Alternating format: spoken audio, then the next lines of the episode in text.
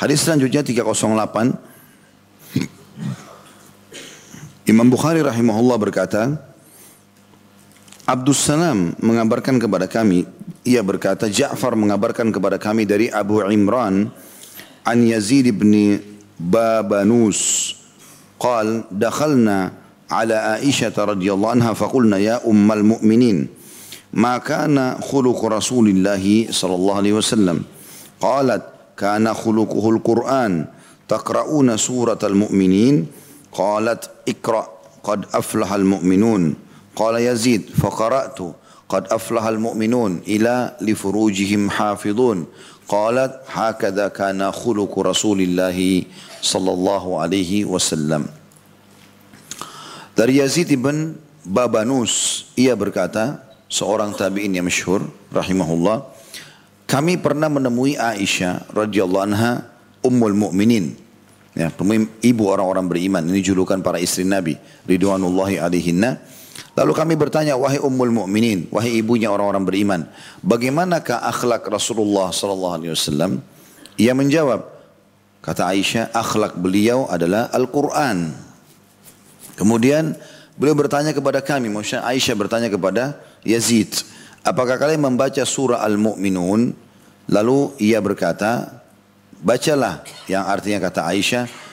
Setelah tanya, apakah kalian baca surah Al-Mu'minun? Tanda tanya. Lalu Aisyah membacakan. Yaitu yang dimaksud, Qad aflahal mu'minun. Telah beruntung orang-orang yang beriman. Atau sungguh orang-orang beriman telah beruntung.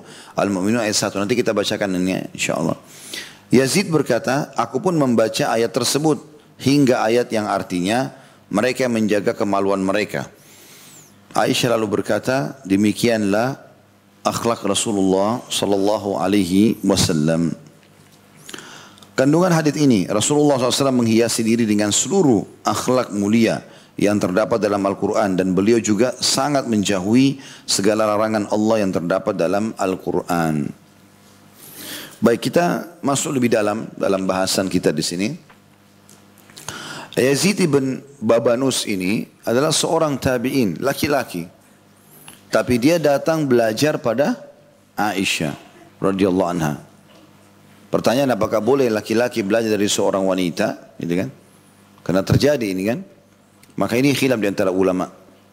Kalau seandainya seorang wanita itu bisa terjaga dari fitnah, maksudnya menjaga diri dari fitnah dan ilmu itu tidak dimiliki kecuali dari dia. Ya, misalnya ada ilmu apa, ada pelatihan tertentu yang memang dia pakarnya, nggak ada yang lain gitu kan, sehingga harus beberapa laki-laki datang belajar masih ada yang membolehkan. Tapi kalau enggak maka dianjurkan untuk tidak terjadi interaksi itu. Ya, di sini umum Aisyah adalah seorang wanita istri Nabi SAW yang interaksi langsung dengan Nabi SAW dan banyak ilmu yang di dalam rumah Nabi Aisyah lebih faham makanya banyak beberapa sahabat yang datang kepada Aisyah lalu bertanya wahai mu'minin bagaimana Rasulullah begini bagaimana Rasulullah begitu yang sudah kita tahu hadis masyhur tentang tiga orang yang masuk ke uh, rumah Nabi SAW karena mereka mau ibadah yang lebih banyak gitu kan karena di luar rumah Nabi di luar rumah Nabi mereka sudah tahu Nabi buat apa. Tapi dalam rumah mereka tidak tahu lalu mereka datang menanyakan kepada Aisyah radhiyallahu anhum ajma'in wahai mukminin di rumah Nabi buat apa aja. Di luar rumah kami sudah tahu nih. Lalu Aisyah dengan sederhana mengatakan Nabi SAW di rumah seperti laki-laki seseorang di antara kalian di rumahnya. Ya, dia penuhi hajatnya sendiri, kadang-kadang bahkan dia jahit sendalnya yang putus dan dia juga memenuhi dia membantu kebutuhan istrinya atau keluarganya. Maka mereka seakan-akan berharap ada yang lebih besar daripada itu tentunya ketiga sahabat ini. Tapi itu ada bahasan sendiri, pernah kita jelaskan kisahnya. Tapi yang kita ingin titik beratkan adalah bagaimana mereka datang belajar kepada Aisyah radhiyallahu Tapi ini juga belajarnya tidak secara langsung. Umumnya hijab, ada hijab di antara umul mukminin sebagaimana dalam Al-Qur'an diceritakan antara beliau beliau ini istri-istri Nabi dengan para laki-laki. Ya. Ini juga diambil daripada potongan pertama Yazid bin Babanus ini datang bertanya kepada Ummul Mukminin. Kemudian potongan yang kedua dari hadis adalah mereka bertanya tentang akhlak Nabi Shallallahu Alaihi Wasallam. Seakan-akan yang paling tahu akhlak Nabi ini anda sebagai istri. Dan itu memang betul ya. Yang paling tahu tentang figur seorang laki-laki adalah istrinya. Yang paling tahu figur seorang perempuan adalah suaminya. Ya. Karena di luar dia bisa menjaga wibawahnya, image-nya segala macam, tapi di dalam rumah belum tentu bisa. Di situ terlihat bagaimana dia mengontrol emosinya, bagaimana dia bermuamalah dengan baik. Kapan dia baik dengan pasangannya pasti baik di luar, nggak mungkin tidak. Udah santun sama suami, santun sama istri, baik sama dua-duanya yang saya pernah bahasakan itu. Jadi suami istri saling bercanda, menghibur, menghilangkan penat dan juga ya saling membantu satu sama yang lain memenuhi kebutuhan. Maka kita akan lihat orang-orang ini suami istri akan sangat giat berkegiatan sosial di luar rumahnya. Karena memang dasarnya sudah dalam rumah begitu. Tapi kalau tidak dilakukan dalam rumah maka di luar pun agak sulit. Ya. Karena banyak orang subhanallah dia tidak mendalamkan hubungan dia dengan yang Allah suruh mendalamkan hubungan dengannya. Misal antara anak sama orang tua. Banyak orang hanya sekedar saja orang tuanya salaman selesai. Enggak, Allah suruh kita pendalam, bakti sama dia. Cari apa yang dia sukai, apa yang dia tidak sukai, dalami itu. Dan kejar pahala dari situ. Itu juga antara ya, suami istri. Banyak orang suami istri bertahun-tahun tapi kayak dingin, basi kalau makanan. Nggak pernah ada kata-kata saya, nggak ada cinta, nggak ada bercanda, tegang semuanya. Begitu ketemu suami istri, kesalahan apa nih kira-kira yang saya bisa dapat? Kesalahannya dulu, bukan kelebihannya. Padahal kita dianjurkan dalam Islam, kalau di baju pasangan kita misalnya ada satu kotoran, kita tutup itu yang kita lihat yang bagusnya. Itu yang kita lakukan. Kita tidak terbalik. Yang kotor, ih kotor jorok. Misalnya. Yang dilihat itu ya, padahal yang lain dilupakan. Walaupun kita boleh memberikan masukan misalnya. Ini contoh orang-orang yang harus memang kita dalam karena ini suami istri saling menjaga rahasia, orang tua anak-anak kita dan seterusnya. Harusnya lebih dalam hubungannya, gitu kan? Allah sampai Nabi SAW mengatakan saya tidak menemukan cinta yang sejati yang sebenarnya penuh dengan pengorbanan, perhatian, segala macam dan kenikmatan tersendiri dibandingkan suami istri. Tapi orang banyak tidak dapatkan itu karena mereka tidak mengikhlaskan niat menjalankan ini karena ibadah kepada Allah dan tidak mendalamkan hubungan dia dengan pasangannya. Hanya sekedar melalui saja begitu. Dan ini keliru, gitu kan? Sama tadi orang tua juga sama anak, ini juga harus lebih dalam. Jiwai anak-anak itu, penuhi kebutuhannya serius dalam mendidik mereka. Jadikan mereka sebagai kader-kader umat. Seperti itulah. Gitu. Itu hal-hal yang harus kita lakukan tentunya. Di sini mereka menanyakan akhlak Nabi SAW bukan kepada Abu Bakar, bukan kepada Umar, bukan kepada sahabat-sahabat Nabi. Karena orang bisa jaga nama baik ini di depan sahabatnya. Tetapi kalau dengan pasangan ini terlihat semuanya. Makanya Aisyah memberikan gambaran kalau akhlak Nabi SAW Al-Quran. Lalu dalam riwayat ini dijelaskan seperti apa sih ciri akhlak Nabi itu yang dimaksud. Maka Aisyah menjelaskan itu. Kita buka sekarang surah Al-Mu'minun ya. Aisyah menjelaskan radhiyallahu anha kalau dia atau akhlak Nabi SAW ada dalam surah Al-Mu'minun. Maka Aisyah mengatakan, apakah kalian baca surah Al-Mu'minun? Lalu untuk menjelaskan, karena kan ada surah Al-Mu'min, ada surah Al-Mu'minun, beda loh. Kalau surah Al-Mu'min, nama lainnya surah Ghafir, surah nomor 40. Ya. Jadi agak berbeda di situ. Ada Al-Mu'min, ada Al-Mu'minun ya. Kalau Al-Mu'min itu surah nomor 23. Kalau Al-Mu'min surah nomor 40. Kita baca beberapa ayat pertama. Silakan dilihat aplikasinya di HP ya. A'udzu billahi minasyaitonir rajim. Qad aflahal mu'minun. Sesungguhnya beruntunglah orang-orang yang beriman itu. Siapa mereka ya Allah? Bagaimana supaya kami bisa mencapai derajat orang-orang beriman yang yang engkau katakan itu beruntung? Allah sebutkan ciri mereka. Yang paling pertama cirinya ayat 2. Alladzina hum fi salatihim khashi'un. Yaitu orang-orang yang khusyuk dalam solatnya. Konsentrasi. Ini ciri akhlak Nabi yang pertama. Sampai ulama mengambil dari potongan hadis ini. Kalau Aisyah menjelaskan. Kalau kalian mau melihat akhlak Nabi. Ya, atau orang yang bernilai berakhlak seperti akhlak Nabi. Lihat solatnya khusyuk enggak? Karena Nabi SAW berakhlak dengan itu. Kalau udah sholat, udah konsentrasi full. Dan sebagian salafus saleh menjalankan itu. Sampai digambarkan Abdullah bin Mas'ud. Radiyallahu itu kalau berdiri. Abdullah bin Amr. Mereka kalau berdiri sholat, maka mereka tidak terpengaruh dengan apa pun di sekitarnya. Sampai seseorang di antara mereka, Abdullah bin Amr radhiyallahu pernah lagi sujud di dekat Ka'bah, ada batu besar jatuh tiba-tiba. Gitu kan? Dari pegunungan tergelincir sampai menarik bajunya dia. Jatuh dekat kepalanya. Tapi dia tidak bergerak sedikit pun. Ya. Mereka saking konsentrasinya dalam sholat itu. Kalau udah sholat, mereka sudah tidak lagi fikir yang lain. Ya, dan ini harusnya mendalam ini ya. Teman-teman bisa ikuti ada ceramah kami di YouTube. Mudah-mudahan teman-teman eh, tim sudah angkat. Saya bedah sebulan sekali di Makassar buku uh, Mukhtasar Minhajul Qasidin punyanya Ibnu uh, Ibnu Qudamah rahimahullah. Beliau membahas bab-bab fikih seperti bab uh, bab salat, bab zakat, bab puasa tapi bukan lagi yang dibahas tentang rukun-rukun dan syarat-syaratnya Ya, seperti kita biasa bahas misalnya. Tapi ini tidak lebih menyentuh kepada poin-poin secara keimanan. Jadi sholat bagaimana supaya lebih khusyuk gitu. Ya. Maka di antara hal yang ditekankan oleh beliau di situ adalah bagaimana seseorang itu menikmati sholatnya, gerakan-gerakannya gitu kan. Karena memang dia akan diberikan pahala sesuai dengan kadar konsentrasi dia. Kalau ada yang kita lagi sholat, rakaat pertama kita hadir, rakaat kedua kita hilang, mengkhayal, maka rakaat kedua itu hilang pahalanya. Makanya Nabi SAW mengatakan dalam sebuah hadis berapa banyak orang pada hari kiamat tidak terima pahala sholatnya kecuali setengahnya. Ada yang tidak terima kecuali sepertiga, seperempat, ada sepersepuluh, bahkan ada yang cuma menerima sholatnya seperti pakaian kotor yang diremukkan lalu dilempar ke wajahnya. Wa na'udzubillah. Jangan sampai. Coba Bapak Ibu belajar konsentrasi dalam sholat. Ada satu jenis sholat yang banyak orang belum kerjakan. Dan ini sholat yang dilakukan oleh Nabi Zakaria alaihissalam pada saat beliau masuk ke musolahnya Maryam. Kemudian beliau melihat ada makanan-makanan buah-buahan yang tidak pernah ada di situ. Itu ditanya dari mana ini Maryam? Maryam dari sisi Allah. Maka Zakaria alaihissalam langsung sholat. Sholat apa yang Zakaria lakukan ini? Itu adalah sholat di situ ya. Sholat ini adalah sholat nafilah namanya. Sholat nafilah, sholat tambahan. Jadi kalau Bapak Ibu yang penting bukan waktu dilarang ya. Kayak misalnya subuh sampai terbit matahari atau asar sampai terbit matahari. Jangan dua waktu ini Bapak Ibu lagi dalam keadaan berudu. Tiba-tiba merasa udah nih saya mau dekatkan diri kepada Allah. Masuk masjid hadap kiblat. Niatnya dalam hati niat sholat nafilah. Sholat tambahan. Dia enggak bukan duha, bukan sholat tahajud, bukan yang lain.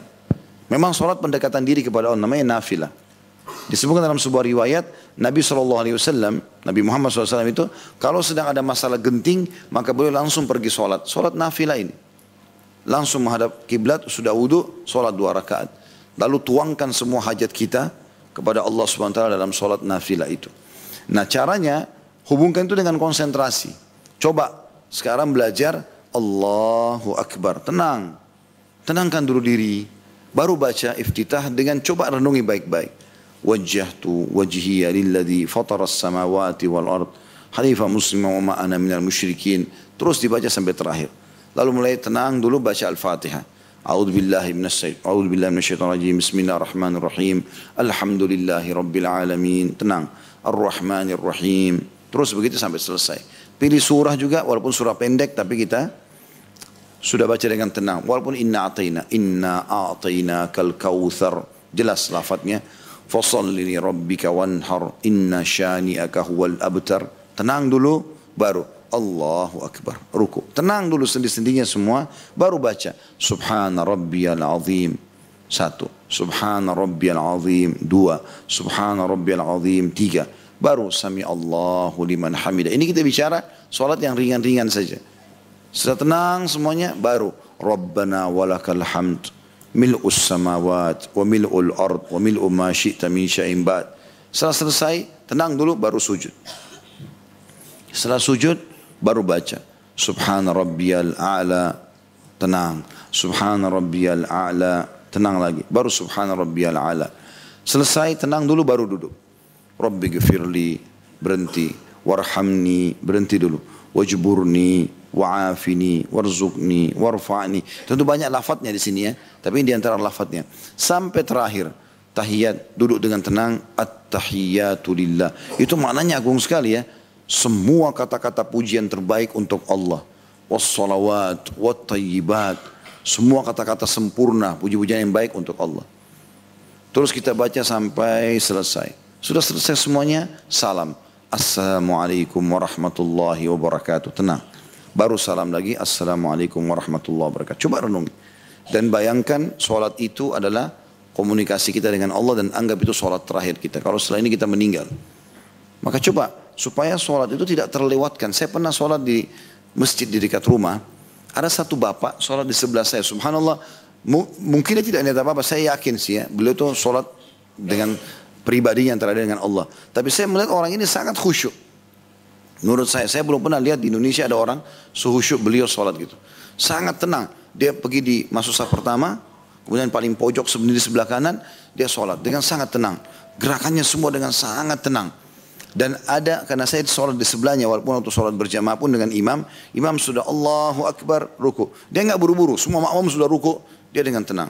Lalu dia ruku dengan tenang. Dan karena saya dekat, saya dengar tuh dia baca. Subhana rabbiyal azim wa bihamdi. Dia tenang, subhana rabbiyal Terdengar. Jadi saya akhirnya ya terserah juga konsentrasi saya men, me, bukan tidak khusyuk ya, tapi bagaimana saya bisa karena orang ini gerakannya sangat tenang, bacanya sangat tenang luar biasa gitu. Sami Allah liman hamidah. Imam bangun, semua orang bangun. Dia masih tenang. Baru kemudian dia bangun. Sami Allah liman hamidah. Dia tidak terpengaruh dengan buru-buru. Gejolak dalam jiwa yang harus segera menyelesaikan sholat. Tidak begitu. Sampai salam subhanallah. Nah, saya juga ambil pelajaran dari orang ini. Bagaimana konsentrasi sholat. Saya juga tahu ada sahabat dekat saya. Saya tidak usah sebutkan namanya. Beliau juga seorang ustaz. Saya tahu kalau sholat luar biasa gitu. Sangat tenang. Tidak buru-buru walaupun berjamaah. Apalagi kalau sholat sendiri.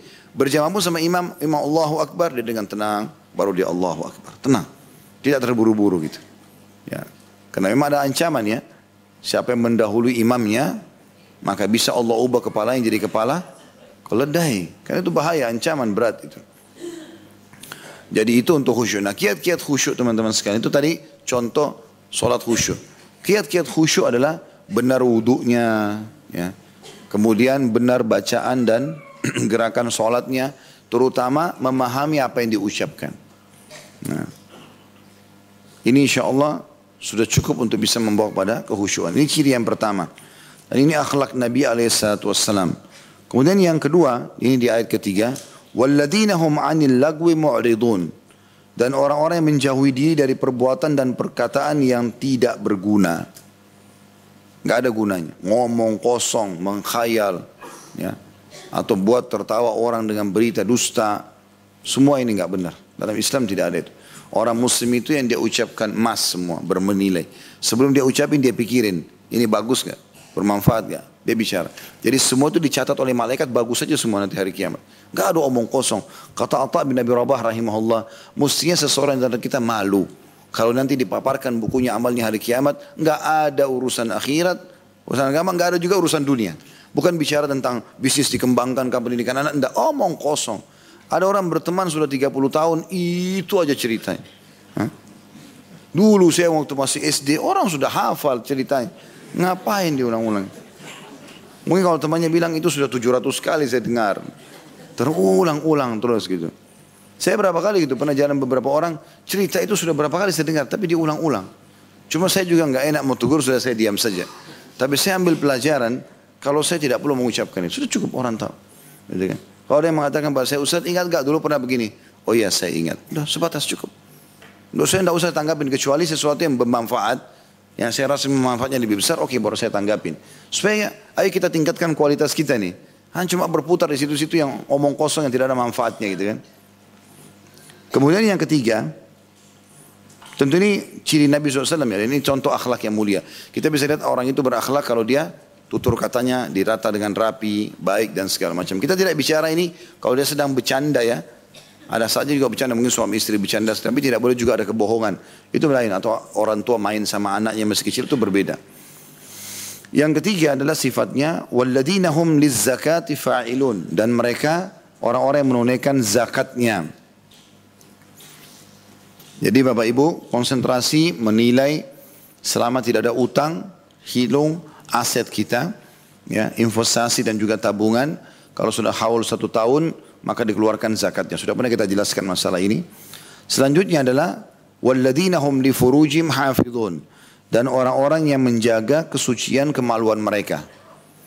Mereka sama sekali tidak melanggar itu, ya. Tidak pernah berzina lah maksudnya. Allah mengatakan kalaupun dia ingin lampiaskan illa ala azwajihim kecuali mereka lampiaskan pada pasangan mereka Au ma malakat aimanum atau budak yang mereka milikin. Sudah pernah kita jelaskan masalah itu. Fa innahum ghairu malumin. Mereka dalam hal itu tidak tercelah. Faman ibtagha wara'a dzalika faulaika humul adun. Barang siapa mencari yang di balik itu, maka mereka itulah orang-orang yang melampaui batas. Maksudnya mencari ya pengganti nikah adalah perzinahan. Kemudian ayat 8-nya walladzina hum li amanatim wa ahdihim ra'un. Mereka ada juga orang-orang yang memelihara amanah-amanah yang dipikulkan dan janji-janjinya. Jadi sudah kita jelaskan Nabi minta itu supaya menjaga amanah. Kemudian ayat 9-nya walladzina ala salawatim yuhafidhun mereka adalah orang-orang yang suka memelihara solat-solat mereka, maksudnya on time dikerjakan dengan jumlah-jumlah maksimal ya. Jadi Bapak Ibu usahakan jangan berhenti terus meningkatkan secara kuantitas. Kalau kualitas nggak ada pilihan secara kuantitas jumlah. Kalau kualitas sekali lagi itu wajib. Konsentrasi khusyuk dalam sholat apa segala macam. Konsentrasi pada saat baca Al-Quran, dikir segala macam itu bukan pilihan kewajiban. Tapi yang kita maksud adalah kuantitas ya, jumlah. Kayak misalnya Bapak Ibu biasa duha dua rakaat. Usahakan naik jadi empat. Usahakan naik jadi delapan. Usahakan naik maksimal dua belas. Kalau sudah niat sampai dua belas istiqomahkan. Gitu lah. Sholat malam biasanya dua rakaat. Sekarang meningkat empat. Meningkat sampai delapan. Witir biasa satu, sekarang jadi tiga. Kalau sudah sampai pada maksimal, tinggal istiqomah gitu loh. Dan ini kuantitasnya yang dibahas gitu. Mereka selalu meningkatkan kuantitas selain kualitas yang memang bukan pilihannya. Lalu Allah SWT menjanjikan bagi orang-orang yang menjaga semua itu, ulaika humul warithun. Mereka itu adalah orang-orang yang akan mewarisi. Apa yang mereka warisi ya Allah? Apa yang mereka dikasih nanti? Alladzina yarithuna al-firdausa hum fiha khalidun. Mereka akan mewarisi surga Firdaus dan mereka kekal di dalamnya. Nah, ini adalah bahasan tentang masalah akhlak yang mulia. Bagaimana tergambarkan akhlak Nabi alaihi salatu wassalam di dalam 11 ayat dari surah Al-Mu'minun itu. Sebagaimana digambarkan oleh Ummul Mu'minin.